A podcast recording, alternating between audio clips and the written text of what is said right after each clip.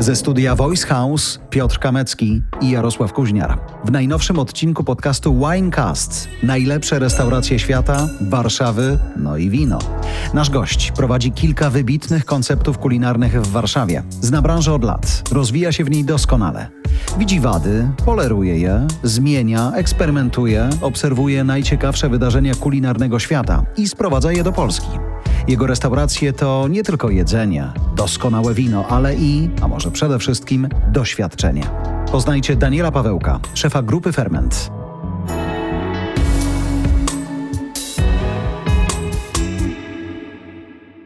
Daniel, tak myślę sobie, że jeśli masz na wizytówce napisane właściciel kilku konceptów gastronomicznych, to koncept kojarzy mi się z czymś, co sprawdzam, czy działa. I być może to zmienię za dwa lata, jeśli okaże się, że nie działa. Restauracja jest, ale jestem amatorem. W moim mniemaniu czymś takim, co jest i będzie trwało. No to jestem restauratorem. Jakby te koncepty, o których mówisz, tak, rzeczywiście jest ich dużo i tworzy się je. Tworzą je przeróżni ludzie, też czasami niezwiązani w ogóle z branżą. Ja natomiast jestem restauratorem. Zaczynałem wiele lat temu jeszcze w Anglii na przeróżnych pozycjach, między innymi w kuchni. Gdzieś tam uczyłem się zmywać nawet kieliczki i polerować sztućce, więc ja znam tą branżę od podszewki i dla mnie restauracja jako taki twór, taki żyjący organizm jest najważniejsza i tak pracuję. Fajna sprawa. I dobrze słyszeć naszego gościa w studiu, który mówi: Ja jestem znawcą i nie myśli sobie, jak to zostanie odebrane. Wiem i mam poczucie, że znam się na rzeczy i nie będę tego ukrywał. Ja myślę, tak słuchając Was, że jeden bez drugiego po prostu nie istnieje. Mamy przykłady, nie będziemy oczywiście ich tutaj podawać. Z Danielem wiemy, że są restauratorzy, którzy nie mają konceptu no i 30 każdego miesiąca mówią, o żeż, co tu się dzieje. Skąd pożyczyć? A są koncepty i chyba jest coraz więcej na rynku, które są realizowane bez restauratora, prawda? Czy kogoś, kto jest właścicielem, czy, mhm. czy wynajęty do tego. I one też nie działają po prostu. I dlatego się tak szybko zmieniają, prawda? U Daniela to wszystko jakby jest takie naturalne i trwa od już lat ilu? 30 lat jakby w zawodzie, natomiast jeżeli chodzi o własne restauracje od 12 lat. Od 12 lat. Ta wizyta w Londynie wtedy, czy praca tam, czy nawet to, co powiedziałeś, uczyłem się zmywać kieliszki. Zrobiliśmy specjalny odcinek pokazujący, jak ich nie zniszczyć, żeby je wytrzeć dobrze i żeby trwałe były. Co jeszcze wpłynęło na to, że dzisiaj masz dużą wiedzę, wiesz czego chcesz i wiesz z kim chcesz? Całokształt. Tak naprawdę to nie tylko praca, bo po pracy przychodzisz do domu i dalej pracujesz. To znaczy się czytasz, oglądasz, gotujesz, kupujesz, wyjeżdżasz. To jest wszystko związane z tym, co robisz. Akurat w moim przypadku to wszyscy mi trochę zazdroszczą, tak? No bo jeżdżę po świecie, chodzę I do szukam. restauracji, piję wino, jem dobre jedzenie i w sumie nie chodzę po muzeach. I tak to wyglądają z reguły moje wyjazdy, czy już nawet teraz rodzinne, więc niektórzy zazdroszczą, niektórzy hmm. może im brakuje tych muzeów trochę, ale... No ale to jest twoja inwestycja w ciebie. Tak, kocham to robić. Rzeczywiście tak się złożyło szczęśliwie w moim życiu, że jakoś mnie to tak pociągnęło przez przypadek w jednej z restauracji pięciogwiazdkowych w hotelu na Strandzie w Londynie i tak już to poszło. Ciekawa historia. Ja mam to samą pasję, tylko nie mam restauracji i rozumiem. Może dlatego Daniel się ze mną koleguje, no bo, bo jak mówi, co widział w Paryżu, to ja to rozumiem. Wiesz, ja tak czasami przeglądam, Piotrze, twoje zdjęcia właśnie z Bristolu, z tych czasów takich, jak ty jeszcze tak, no byłeś związany z restauracją bliżej, no to tak, kultowe czasy. No. no tak, kultowe tak, filmy, no, kultowe czasy, kultowe... Miałem dwadzieścia kilka lat, więc... Ale to zapytam panowie o to właśnie, czy nie macie poczucia, że dzisiaj jednak trochę się wróciło do tego rzemiosła, które, no Piotrek w rękach ma, ty też, że ludzie to doceniają jednak, przychodząc do jakiejś restauracji czy do konceptu? Ja myślę, że tak. Ja mam takie odczucie, że za mało jest tego rzemiosła, że za dużo jest trochę takiego w pewnym sensie gwiazdorstwa. Ludzie młodzi przychodzą i chcą... Już tu teraz. Już tu teraz, tak jak przed chwilą rozmawialiśmy i nie ma tego rzemiosła. To rzemiosło to jeszcze idzie głębiej. No tutaj mówimy akurat, Piotr, wspaniała praca, jeżeli chodzi o stowarzyszenie i tam kuźnia talentów. Natomiast to nie kończy się na sommelierach. Mówimy o kucharzach, kelnerach i tak dalej, i tak dalej. No i tutaj no, nie jest za dobrze jakby. I no, miejmy nadzieję, że to się kiedyś zmieni, bo my jako restauratorzy, czy właściciele restauracji, to jest za mało. To musi być poparte taką głębszą myślą. No, taki przykład z Francji, gdzie rzeczywiście te tytuły czeladnicze prowadzą później do takiego egzaminu, który jest egzaminem no, równie ważnym jak tytuł profesora w jakiejś tam innej dziedzinie. I później wręczane dyplomy są na przykład przez głowy państwa i tak dalej. Więc tak, trochę za mało tego rzemiosła, ale pomimo tego my w Polsce, Polacy jesteśmy tak zdolni, że my to robimy wszystko trzy razy szybciej i lepiej niż cała reszta świata. To fakt. Spójrzcie na cały rynek, nawet nie gastronomiczny. No, jeździmy taksówką, kiedyś była licencja, teraz wozi nas... Zawód nie, uwolniony. Nie chcę obrażać no byle kto, prawda? I czy to nie jest jakiś taki trend w ogóle, że po prostu tego rzemiosła będzie Myślę, coraz że mniej. trend demokratyzacji dostępu do różnych zawodów się zaczął i to na poziomie w Polsce właśnie mówiło się o uwolnionych zawodach. Czy to był przewodnik miejski, kiedyś z licencją, dzisiaj nie. Patrząc po mediach, każdy może mieć własne media. Kiedyś musiał mieć kartę mikrofonową, dzisiaj nie musi i tak dalej. Myślę, że nie ma się co na to pewnie obrażać i też nie w tym kontekście o tym mówimy, ale stowarzyszenie jest takim miejscem, gdzie jeżeli chcesz, to się możesz od kogoś starszego Tak. i bardziej doświadczonego nauczyć. A na rynku restauracyjnym jak to działa? Działa na zasadzie, przychodzisz do dobrej restauracji i uczysz się od dobrych ludzi, więc masz dobre standardy, ale to ponownie to za mało. Jakby to powinno być poparte też taką wiedzą trochę akademicką, poszerzoną e, na poziomie szkoły średniej i później wyższej. I tam to się nie dzieje. Nie ma tak dobrych szkół. Te szkoły są traktowane rzeczywiście jako takie, no jak się nie dostają gdzieś na studia No tak. czy do ogólniaka. Pójdę do braku- gastronomika. Pójdę do gastronomika, tak. I ja tam byłem kilka razy nawet na jakichś spotkaniach, żeby tak, nie wiem, zachęcić tą młodzież do pracy.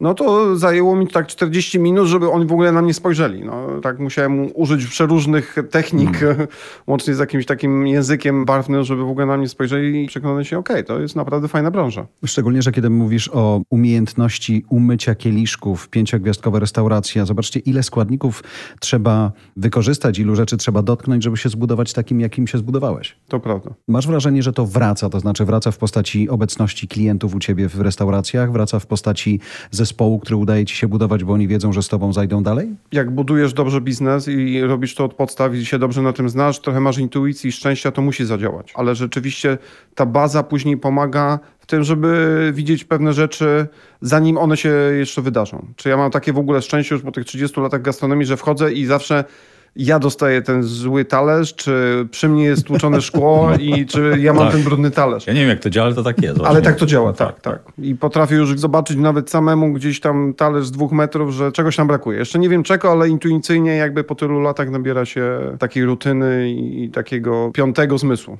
Macie to samo, co? Pamiętam w hotelu Bristol dyrektor potrafił wejść o 7 rano do sali śniadaniowej i podchodził do pierwszej cukiernicy z rzędu. Ja nie wiem, czy to było ukartowane i wyciągał łyżeczkę, tak zwaną laleczkę, czyli oblepioną cukrem. Jedna, jedyna cukiernica. To jest niesamowite. I awantura. Ja widzę tutaj, Daniela, restauracje, koncepty, jako kuźnię talentów, bo niektórzy pracują u ciebie od początku, cały czas, niektórzy odeszli z różnych, wiadomo, jakbyś chcą się rozwijać albo patrzeć na jakiś inny tutaj ale jakby oni są cały czas liderami tam, gdzie poszli. Nie wszyscy, nie? No wiadomo, że niektórzy po prostu sobie nie poradzą w żadnym zawodzie i trudno, ale myślę, że tu kreujesz talenty. No przez 12 lat jest parę osób, które jest na rynku i sobie dobrze radzi.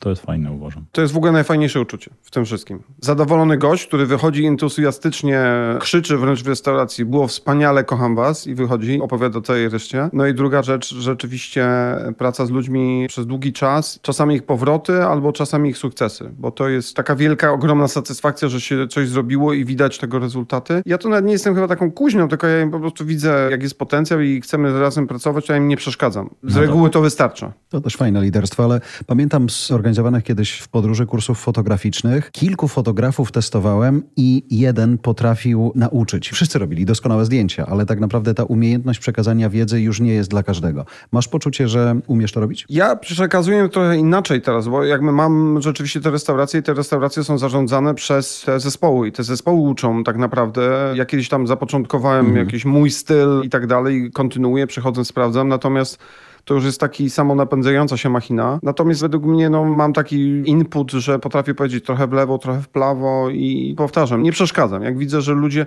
Najważniejsze w tym zawodzie u nas to są rzeczywiście takie interpersonalne jakości, czyli ktoś się lubi uśmiechać, ktoś lubi być z drugą osobą i to są najważniejsze rzeczy. Tego się nie da nauczyć. To trzeba mieć.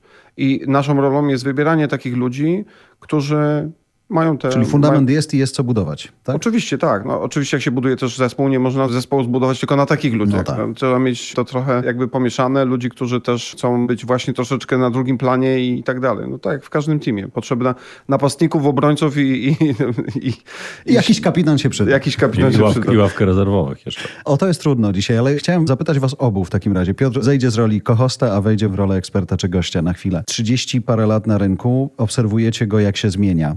On jest w najlepszym swoim momencie, on jest po najlepszych czasach. Jak czujecie rynek gastronomiczny w Polsce? Ja myślę, że jesteśmy przed najlepszymi czasami. Nie jestem w stanie powiedzieć nikt z nas, co się stanie w zakresie jakichś epidemii, wojen No tak, i tak tak, dalej, tak. prawda? Ale myślę, że jakby dużo zostało zrobione, ale dzisiaj jesteśmy w takiej fazie, że nasi klienci, Polacy mają po prostu coraz więcej pieniędzy, mimo tego, że jest inflacja. No jakby oczyścimy z tego wszystkiego, Jasne. jakby jesteśmy społeczeństwem, które po prostu staje się zamożne, więcej czasu spędza na przyjemnościach. Zdecydowanie bycie w restauracji jest tą przyjemnością i porównując się też do innych rynków, no to jakby ta baza jest cały czas mała, prawda? Więc tutaj duży potencjał wzrostu. Wydaje mi się na wszystkich obszarach, od agroturizmu winiarskiego, o którym rozmawialiśmy, które staje się coraz bardziej popularne, aż po fine dining. No bo ja cały czas wierzę, że jednak, wydaje się, że to tylko moje marzenie, ponieważ zacząłem od fine diningu, że jednak no, w takim mieście jak Warszawa,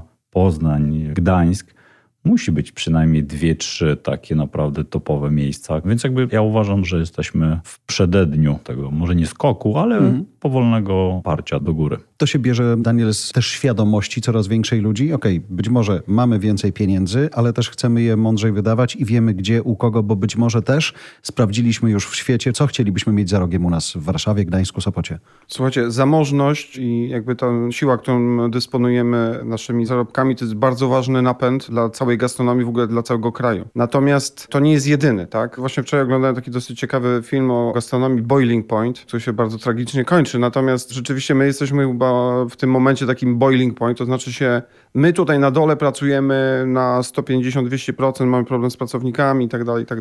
Jest duża inflacja, ale która też powoduje jakby, że ten pułap, ten średni rachunek się znacząco zwiększa i też przybliża w końcu do tych średnich rachunków w Berlinie, w Paryżu, w Londynie i tak. Co za tym idzie, miejmy nadzieję, pociągnie za sobą też zarobki, no bo to wszystko idzie w tym kierunku. Natomiast, e, no, jak mówimy fine dining, o takich rzeczywiście restauracjach, które ciągną też całą branżę, pokazują jakby taki no goal, tak, że można pracować w restauracji gwiazdkowej, dwugwiazdkowej, trzygwiazdkowej i tak dalej, no to Jesteśmy w takim dosyć ciekawym momencie, bo od dwóch lat na przykład przewodnik Michelin pomija Polskę. Tutaj może nie będziemy teraz rozmawiać dlaczego, ale pomija, a z drugiej strony są na przykład takie kraje jak Węgry, które, nie wiem, przez ostatnie 8 lat zorganizowały dwie olimpiady kulinarne Bocuse d'Or, finały tej olimpiady i wielką galę Michelina i z jednej gwiazdki ruszyło samo miasto do tam dziewięciu i mają przewodnik po całym kraju. I jest Słowenia, Chorwacja i tak dalej, i tak To dalej. co, kwestia zorganizowania ludzi? Z, Nie, nie, nie, nie. Ja chyba wiem, do czego Daniel zmierza, bo jakby ja to czuję, jeżdżąc po Polsce i będąc w różnych miejscach. Przewodnik Michelin też patrzy na społeczeństwo jako całość, jako zrozumienie tego, co taka restauracja jakby daje, w ogóle jakąś taką codzienność jedzenia poza domem i tak dalej. Myślę, że niestety, ale w naszym kraju to jest pewna blokada. Dla mnie to jest chyba gorsze niż te wszystkie pandemiczne, inflacyjne rzeczy. Po prostu niestety my Polacy jakby nie rozumiemy tego, co się dzieje w tych restauracjach. I nie mówię tu o jakichś tam super drogich, zgadza się ze mną Daniel, jakby jest coś Słuchajcie, takiego. restauracje drogie są pełne. No Natomiast, właśnie, żeby właśnie, ich było jeszcze właśnie, więcej, to my musimy być widoczni nie tylko w kraju, ale też na całym świecie. A jeżeli nie potrafimy od dwóch lat dogadać się z przewodnikiem, żeby on tutaj był, no to mamy problem. A kto się dogaduje? Państwo? Jakieś stowarzyszenia, samorządy? Kto Państwo, jest miasto. Państwo, miasto. Samorządy i państwo. Okej. No dobra, to już wiemy, gdzie jest punkt zapalny. Może to jest temat na odcinek rzeczywiście. Wracając do wina i do ciebie, do twoich miejsc, na ile ono jest decydujące, a na ile dzisiaj jest magnesem rzeczywiście, a na ile tylko dodatkiem? Kolacja bez wina nazywamy śniadanie, tak? To- Piwo masz przecież, po co ci to wina? No?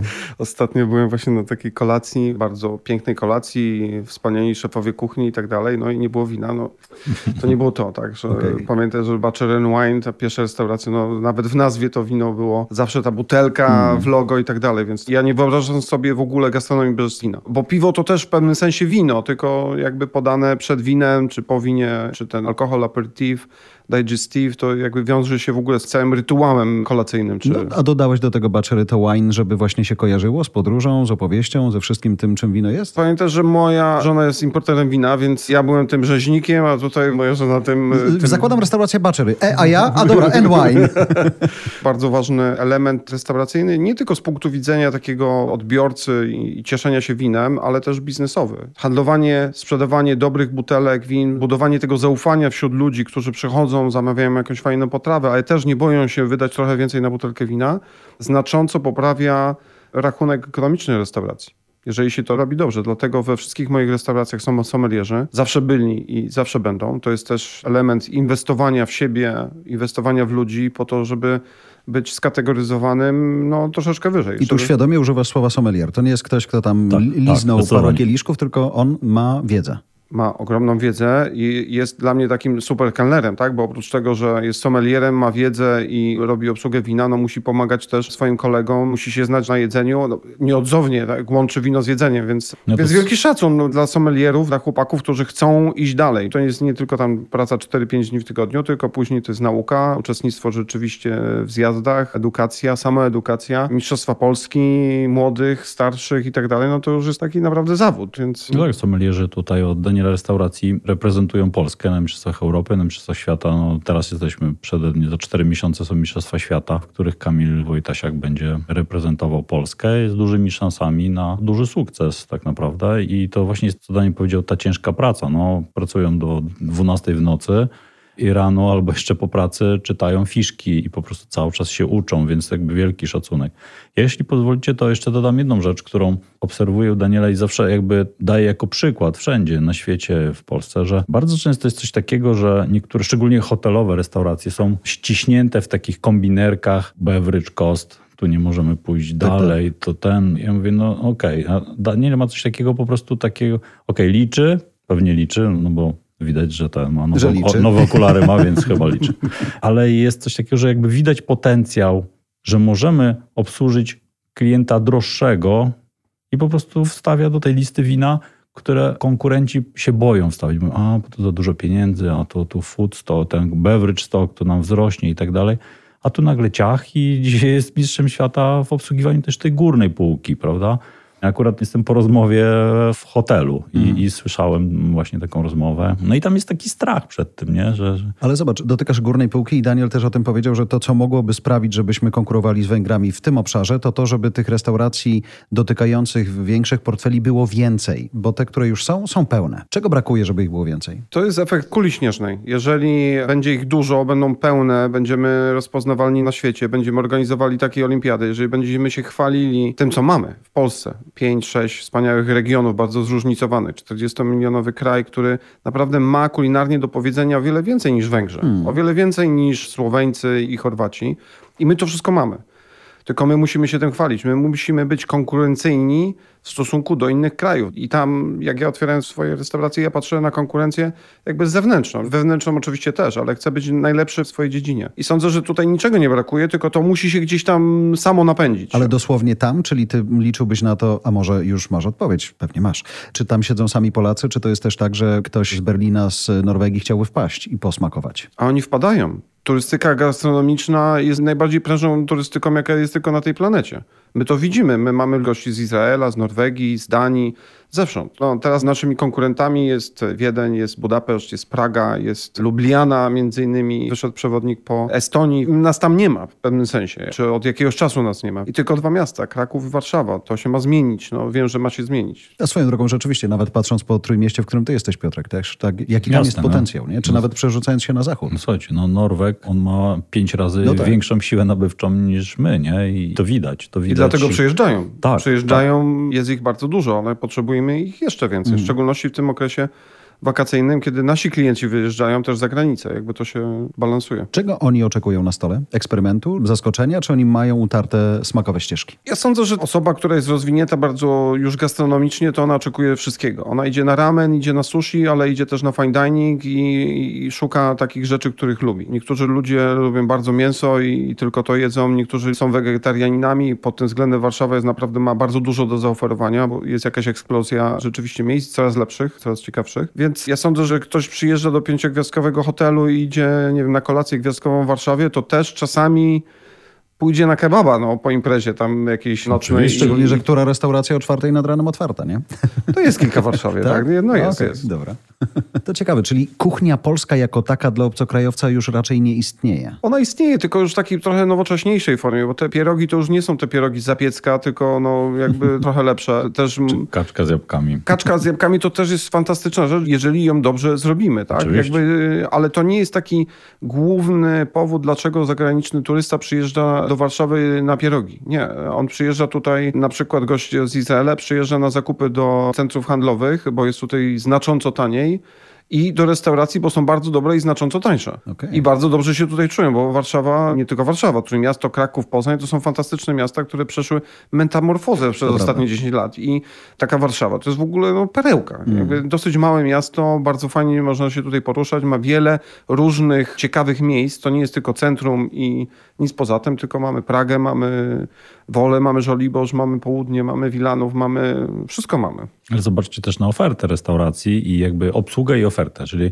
ja się zgadzam z Danielem, powiedział to 10 minut temu, że my mamy lepszą obsługę. Przy całych problemach z zatrudnieniem, z dostępnością pracowników, jakby ja wiem też w swojej branży widzę winiarskiej, nasi sommelierzy, nasi kelnerzy są lepsi, ogólnie mówiąc. Nie chcę powiedzieć, że Hiszpanii wszyscy się już rozleniwili, ale to trochę tak jest. Jeśli chodzi o ofertę, zobaczcie, jedziesz do Burgundii, chcesz zamówić Bordeaux, to może zostać wyrzucony z restauracji, e, mówię w cudzysłowie. Mm. A w Polsce mamy wszystko. Mamy wina od prawa do lewa, wszystkie style, naturalne, biodynamiczne, polskie i to jest nasza siła. Mamy taką naturalną polską gościnność, czyli to, co mówisz. Ten serwis się tam zaczyna, że ludzie przychodzą do naszych restauracji. Ja to często słyszę od ludzi z zagranicy, ale wy macie tu fajną obsługę.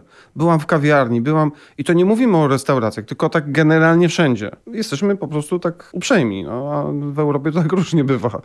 Niektóre kraje mają na przykład bardzo duży miks narodowościowy, inne kraje mają naturalnie powiedzmy takie swoje też inne podejście. podejście, podejście ale też to zmieniają. też to zmieniają. To wymieniłeś jeden z tych krajów przed sekundą. Słuchajcie, w ogóle teraz mamy 5 minut. Polska. Przez to, co Ukraina. zrobiliśmy z Ukrainą tak. i jak mówi się o nas dobrze, to jest nasze 5 minut. Trzeba naprawdę to wykorzystać, bo bo nie było tak fajnie. Ale właśnie zobaczcie, przed mówić, jesteśmy gościnni, aha, a dzisiaj nie musisz tego mówić, bo to każdy rozumie patrząc na 6 milionów osób, które tak, przeszły tak, przez Polskę. Nie? Super sprawa, fajny moment. No to szanowni słuchacze, nie zepsujcie tego, korzystajcie, pomagajcie się temu dynamicznie rozwijać. Panowie, bardzo dziękuję za spotkanie i rozmowę. Dziękujemy za Twoją uwagę. Ale zanim się rozłączysz albo posłuchasz kolejnego odcinka, mam prośbę. Spotify pozwala teraz na ocenę podcastów. Jedna, dwie, trzy, cztery albo pięć gwiazdek. Bądźcie z nami szczerzy. Dziękuję. Jeżeli jeszcze nie subskrybujesz naszej audycji, zrób to na Apple Podcast czy Spotify. Nie przegapisz najnowszego odcinka i pomożesz nam się wspinać na listach podcastowych przebojów. Zasubskrybuj także inne podcasty od Voice House. Znajdziesz je na każdej platformie podcastowej, w każdym kanale social mediowym. Zapraszam też na stronę Voice House po więcej dobrej treści.